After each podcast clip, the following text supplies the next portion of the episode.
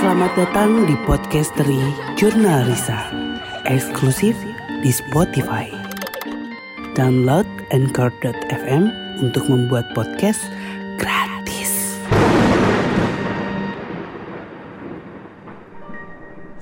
Assalamualaikum warahmatullahi wabarakatuh Selamat datang di podcast Tri Jurnal Risa eksklusif on Spotify Dan yang pastinya sekarang kamu lagi dengerin Dimasta yang akan berbagi pengalaman seram Cerita-cerita di mana ini hubungannya sama uh, makhluk halus atau yang biasa kita sebut dengan hantu. Banyak beberapa orang yang berpikir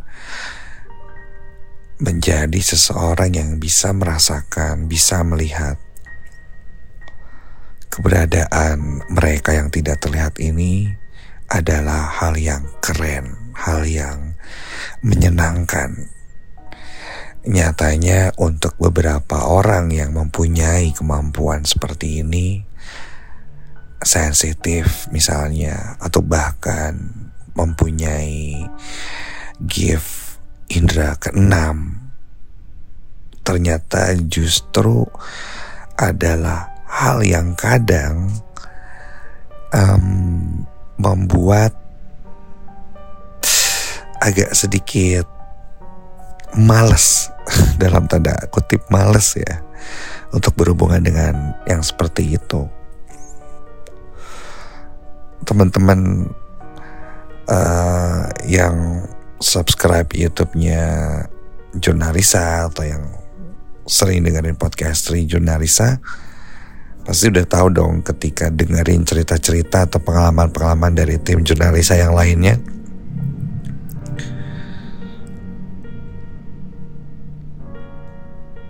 Entah itu ketika di lokasi syuting atau bahkan di rumah. Sebenarnya uh, saudara-saudara di Junarisa itu mereka akan lebih mengaktifkan sensitivitasnya ketika syuting pastinya. Jadi segala dibuka uh, lah, diterima ketika ada yang mediasi dan lain-lain.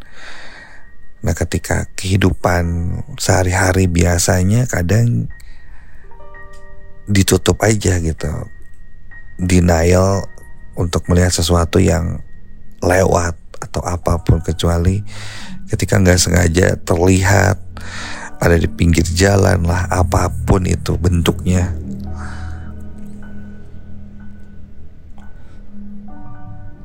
Itu yang kadang bikin ngeri-ngeri sedep lah bahasanya. Bagi sebagian orang juga ingin untuk merasakan dan ingin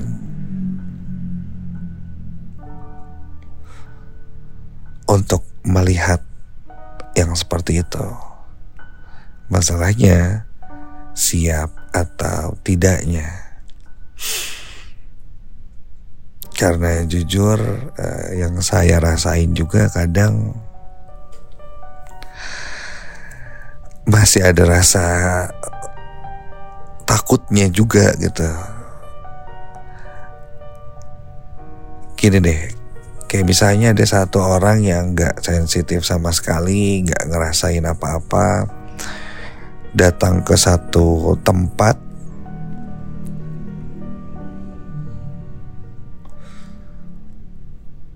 sebut saja sebuah villa lah. ketika dia nggak ada perasaan apa-apa, nggak punya indera keenam, nggak sensitif, itu akan sangat-sangat nyaman berada di villa itu. Kayak udah sama villanya bagus misalnya, terus estetik juga buat foto-foto, bawahnya senang-senang aja gitu. Gak ada perasaan yang aneh-aneh, padahal bentuk villanya bagus, terus um, interior segala macamnya bukan yang jadul gitu minimalis, terang. Ketika malam hari mereka kan biasa-biasa aja tapi di tempat yang seperti itu ketika orang ini udah sensitif itu pasti kerasanya akan beda aja. jadinya tidak menikmati suasana-suasana yang estetik tadi. Gitu. Oke okay, itu baru pembukaan aja. Uh, maksudnya adalah untuk kamu yang mungkin sekarang ngerasa ingin melihat sesuatu ingin seperti uh, tim Junarisa misalnya yang bisa mediasi dan lain-lain um, percayalah itu bukan hal yang mudah oke okay. yang mau saya ceritain sekarang adalah sebuah pengalaman yang uh, teman saya alami sebenarnya ini ketika dia merasa dia ini orang yang tidak cukup sensitif dengan hal seperti itu. Bahkan tidak percaya sama sekali dengan hal yang seperti itu. Sebut saja dia namanya Ray. Dia selalu berpikir logis, segala sesuatu yang dijelaskan dengan logika. Orangnya juga uh, pinter lah dia ini. Suatu hari kita ngumpul nih ngobrolin tentang uh, macam-macam lah awalnya dari kerjaan terus ke uh, musik nyambung ke film nyambung ke cerita horor. Awalnya yang dibahas itu film serem gitu. Dia termasuk orang yang gak suka nonton film serem sebenarnya. Karena menurut dia enggak menakutkan gitu sih. Film serem itu kayak biasa aja. Jadi dia lebih suka film-film action. Oke okay, nggak apa-apa. Itu pilihan pilihan orang. Mungkin kamu yang lagi dengerin sekarang juga ada yang kayak gitu. Mungkin alasannya lebih ke uh, takut atau takut kepikiran nanti habis nonton itu kebayang-bayang terus tapi dia ini tipe orang yang kayak gitu. Suatu hari dia coba satu uh, permainan nih diajak sama temennya yang lain. Main uh, jelangkung. Oke. Okay. Permainan jelangkung emang cukup tricky ya ketika kamu sama teman-teman kamu main terus dipegang boneka jelangkungnya. Tiba-tiba ada temen yang uh, sugestinya berlebihan akhirnya megang itu keras banget sampai itu si boneka terasa berat. Masuk sugesti bahwa boneka itu akhirnya ada yang masuk ke situ. Padahal nggak uh, ada apa-apa misalnya. Maksudnya ada trik-trik yang kayak gitulah untuk boneka jelangkung ini akhirnya bisa bergerak. Dan gak banyak juga yang uh, akhirnya berhasil memanggil sebenarnya roh itu masuk ke boneka jelangkung. Tapi ketika sudah masuk ada yang memang benar-benar masuk ke dalam situ bahkan ya itu tadi seperti mantranya datang tadi jemput pulang tadi antar justru kebalikannya malah minta diantarin Oke, okay. singkat cerita mereka main. Uh, temannya persiapkan boneka jelangkungnya yang terbuat dari gayung batok kelapa, sedikat kayu lagi seperti tangan, dibalut kain putih seperti baju dan di bawahnya itu diikat juga sebuah spidol hitam yang besar dan mereka bermain di atas media kertas.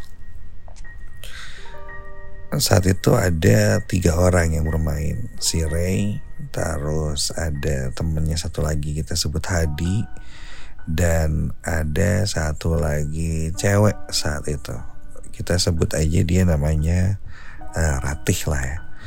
Jadi Ray, Ratih sama Hadi mereka mulai coba nih permainan Nah Ray ini satu orang yang percaya. Hadi ini orang yang uh, seneng banget hal-hal mistis. Dia orangnya penasaran. Sedang si Rati ini orangnya agak cuek, ikut-ikut aja.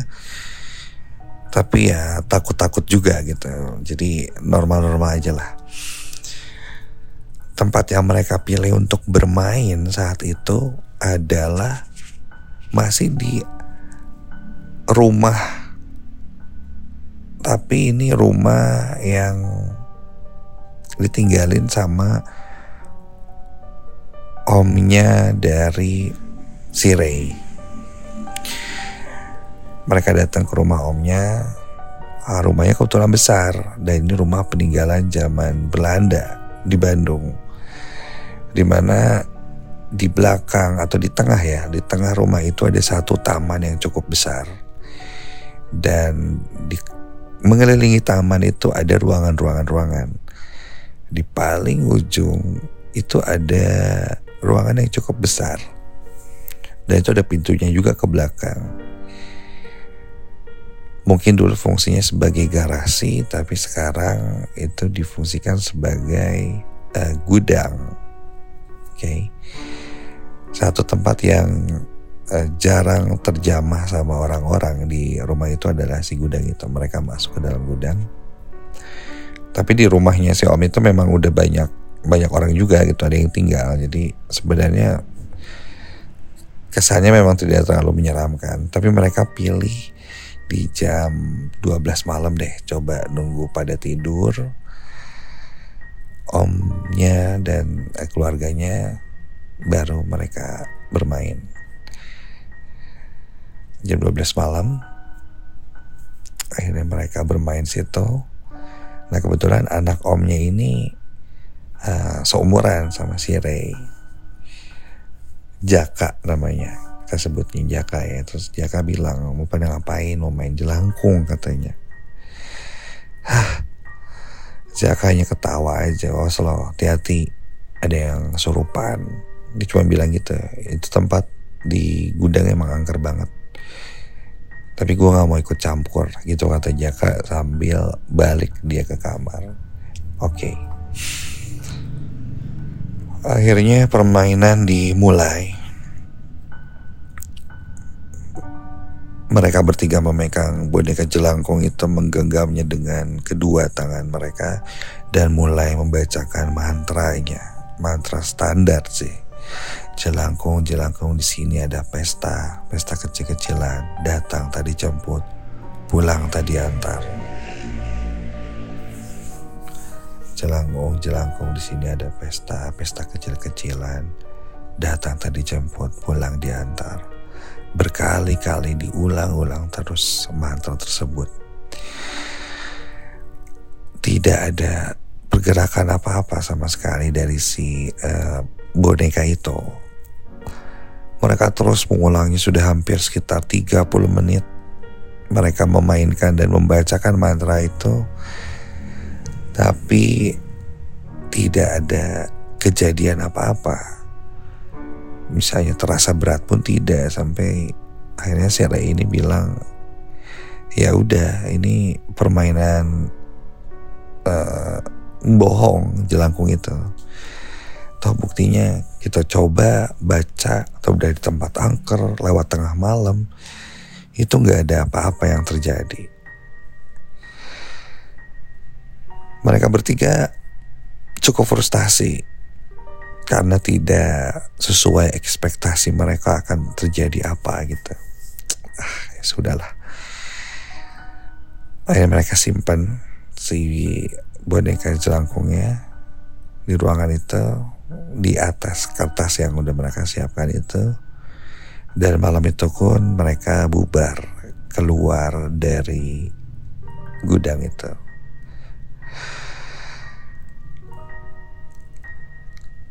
Saat itu Jaka ngeliat anak-anak ini keluar. Dan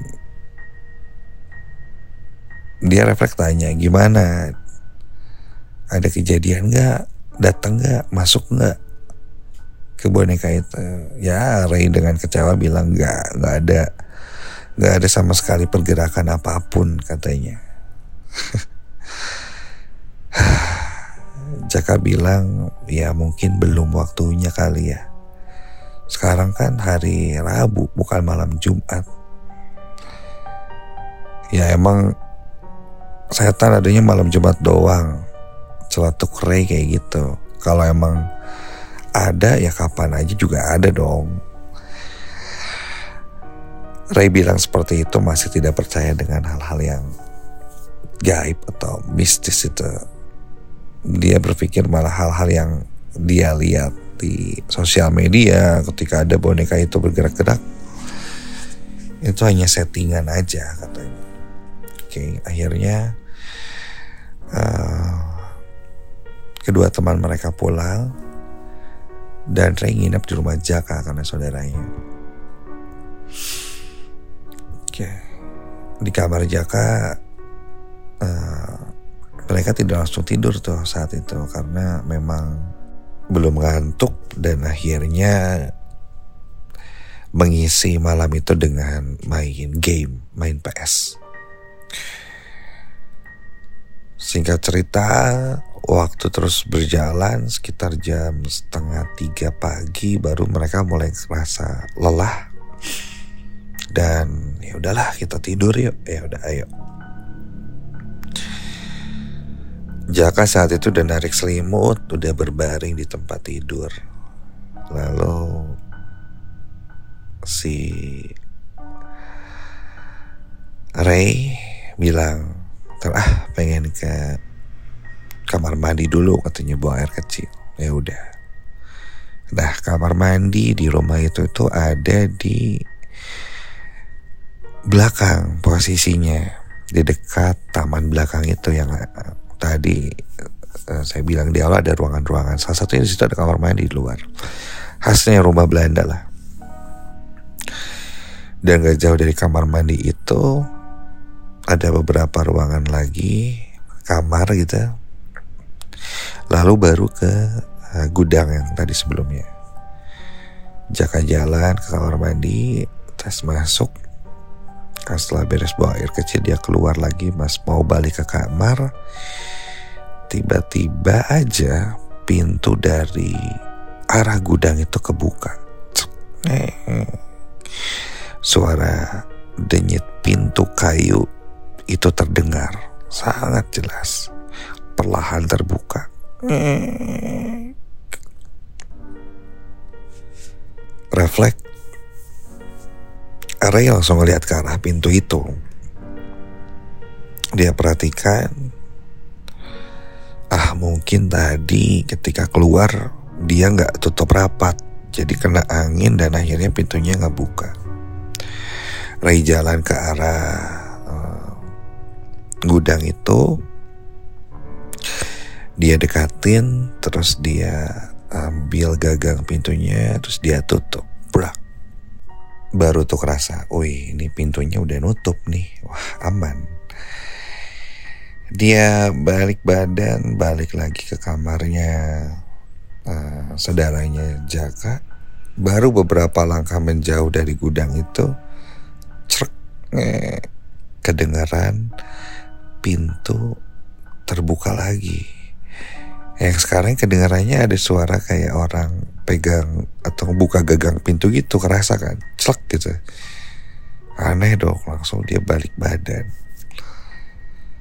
Lah ini nggak mungkin sih kalau kena angin soalnya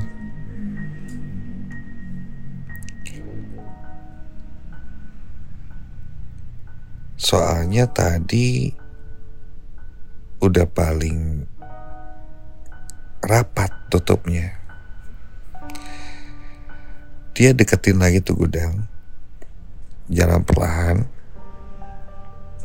Terus dia uh, buka lagi pintunya. Kali ini dia buka, buka sama dia dibukain maksudnya dibukain lebar-lebar pintu set. Kondisi gudangnya gelap tapi karena ada eh, cahaya-cahaya uh, dari uh, sekitar dari lorong itu makanya nggak terlalu gelap juga masih kelihatan gitu dalamnya. Uh, masih sama sih di situ. Dan di tengah situ masih tersimpan kertas dan si boneka jelangkungnya itu. Dia ngelirik kiri kanan menyisir semua ruangan gitu ujung-ujung. Ah, nggak ada yang aneh. Sampai lah ada yang janggal sih memang. Ada yang beda ternyata di dalam ruangan itu. Yaitu kertas. Iya. Di kertas yang tadi akan dimainin sama Ray dan teman-temannya buat jelangkung itu. Di atas kertasnya itu ada tulisan. Ada tulisan beberapa huruf. Cuman tulisannya nggak nggak beraturan lah tapi itu ketara. Huruf-huruf yang tertulis di situ dan membentuk sebuah kata. Dan yang tertulis di atas kertas itu adalah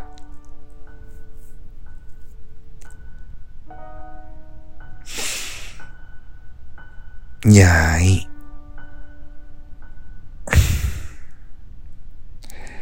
N Y A I. Nyai. Seketika bulu kuduk itu berdiri tuh merinding. Set. Secara logika ini udah gak masuk akal. Karena semua orang gak ada yang masuk lagi ke ruangan itu. Satupun. Bahkan Ray ngeliat teman-temannya pulang. Jaka juga terus-terusan bareng dan selama dari tadi juga nggak ada tuh yang mondar mandir atau om atau tante atau keluarga lainnya yang masuk ke sana. Ini baru di luar nalar nih kejadian ini.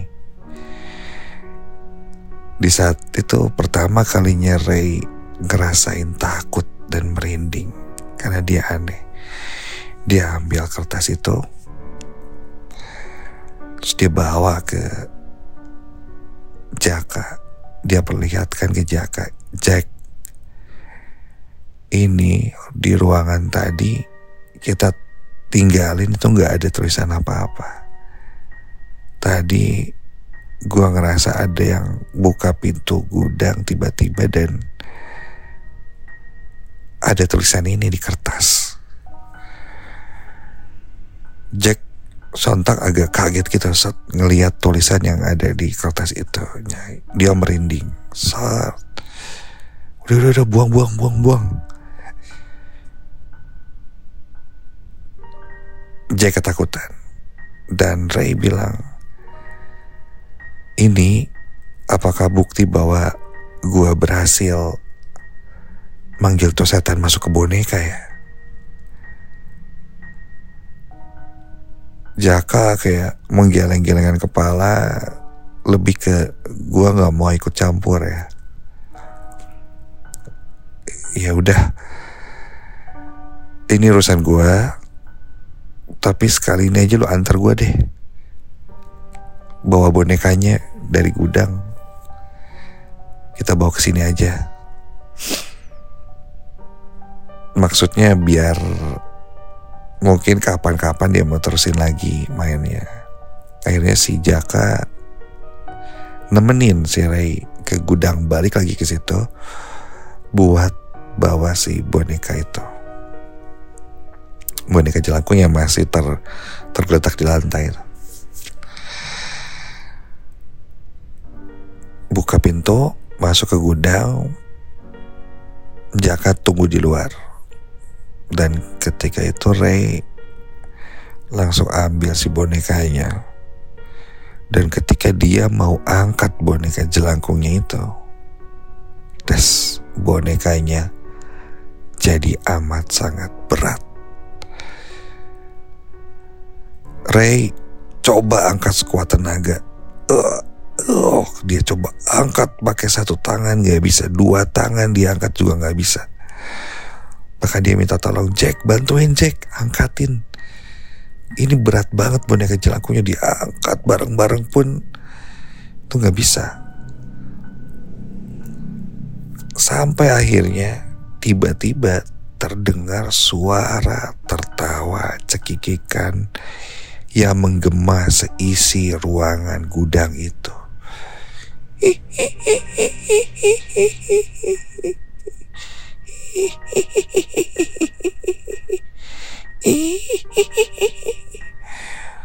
Sontak mereka berdua langsung lari terbirit-birit keluar dari gudang. Berteriak-teriak, oh, ketakutan. Membuat heboh rumah itu di pagi dini hari karena saat itu udah hampir jam 3 pagi. Wah berkelari keluar langsung masuk ke kamar. Brak tutup pintu. Kontan karena gaduh dan berisik, uh, om dan tantenya atau ayahnya Jaka ini bangun, bangun pada bangun semua kaget kan, kenapa kenapa teriak-teriak, takutnya ada apa gitu. Akhirnya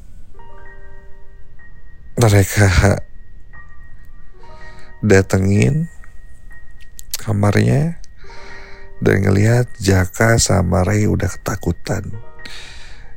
Takut, takut, takut, takut katanya kita. Ya udah ceritalah akhirnya mereka. Ketakutan kenapa ya gini gini gini gini nyoba permainan. Itu om omnya atau bapaknya Jaka itu langsung marah. Marah abis diomelin itu si Ray blah, blah, blah, blah. Jakanya juga kena kan akhirnya karena ya dia kayak ngebiarin hal itu terjadi di rumahnya itu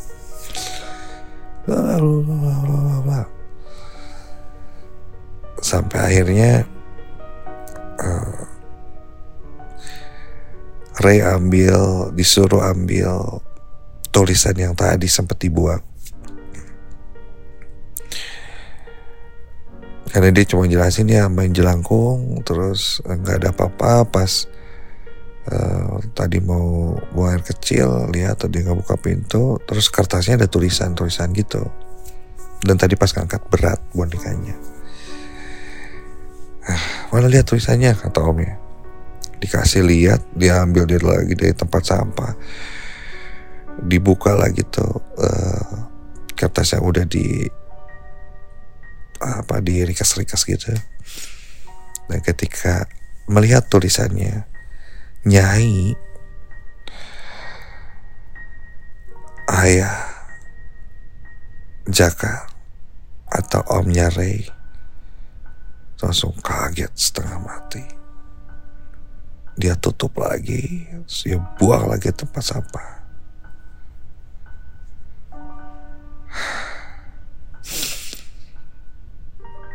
Jaka sama Ray saling bertatapan.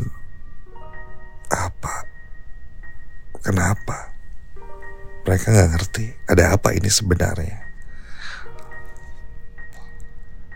Setelah membaca itu, si Om tuh keluar langsung dari kamar. Dia cuma bilang, jangan main aneh-aneh lagi, jangan diterusin lagi. Cukup kalau ada apa-apa, ada sesuatu yang datang, atau minta sesuatu dengar apa itu, jangan pernah dikasih, biarin aja. Ini cuma pesan seperti itu. Mereka berdua masih nggak ngerti maksudnya apa. Sampai singkat cerita udah jam 3 lewat, suasana udah mulai kondusif, mereka pun tidur atas. Nah, di saat tidur, Ray didatangi di mimpi. Dia merasa ketindihan, erup-erup, berteriak apa segala nggak bisa. Bahkan di dalam erup-erupnya dia, dia melihat seisi ruangan kamarnya Jaka ini merah warnanya banyak percikan-percikan merah darah yang mengalir dari ujung-ujung langit-langit dinding dari kamarnya Jaka.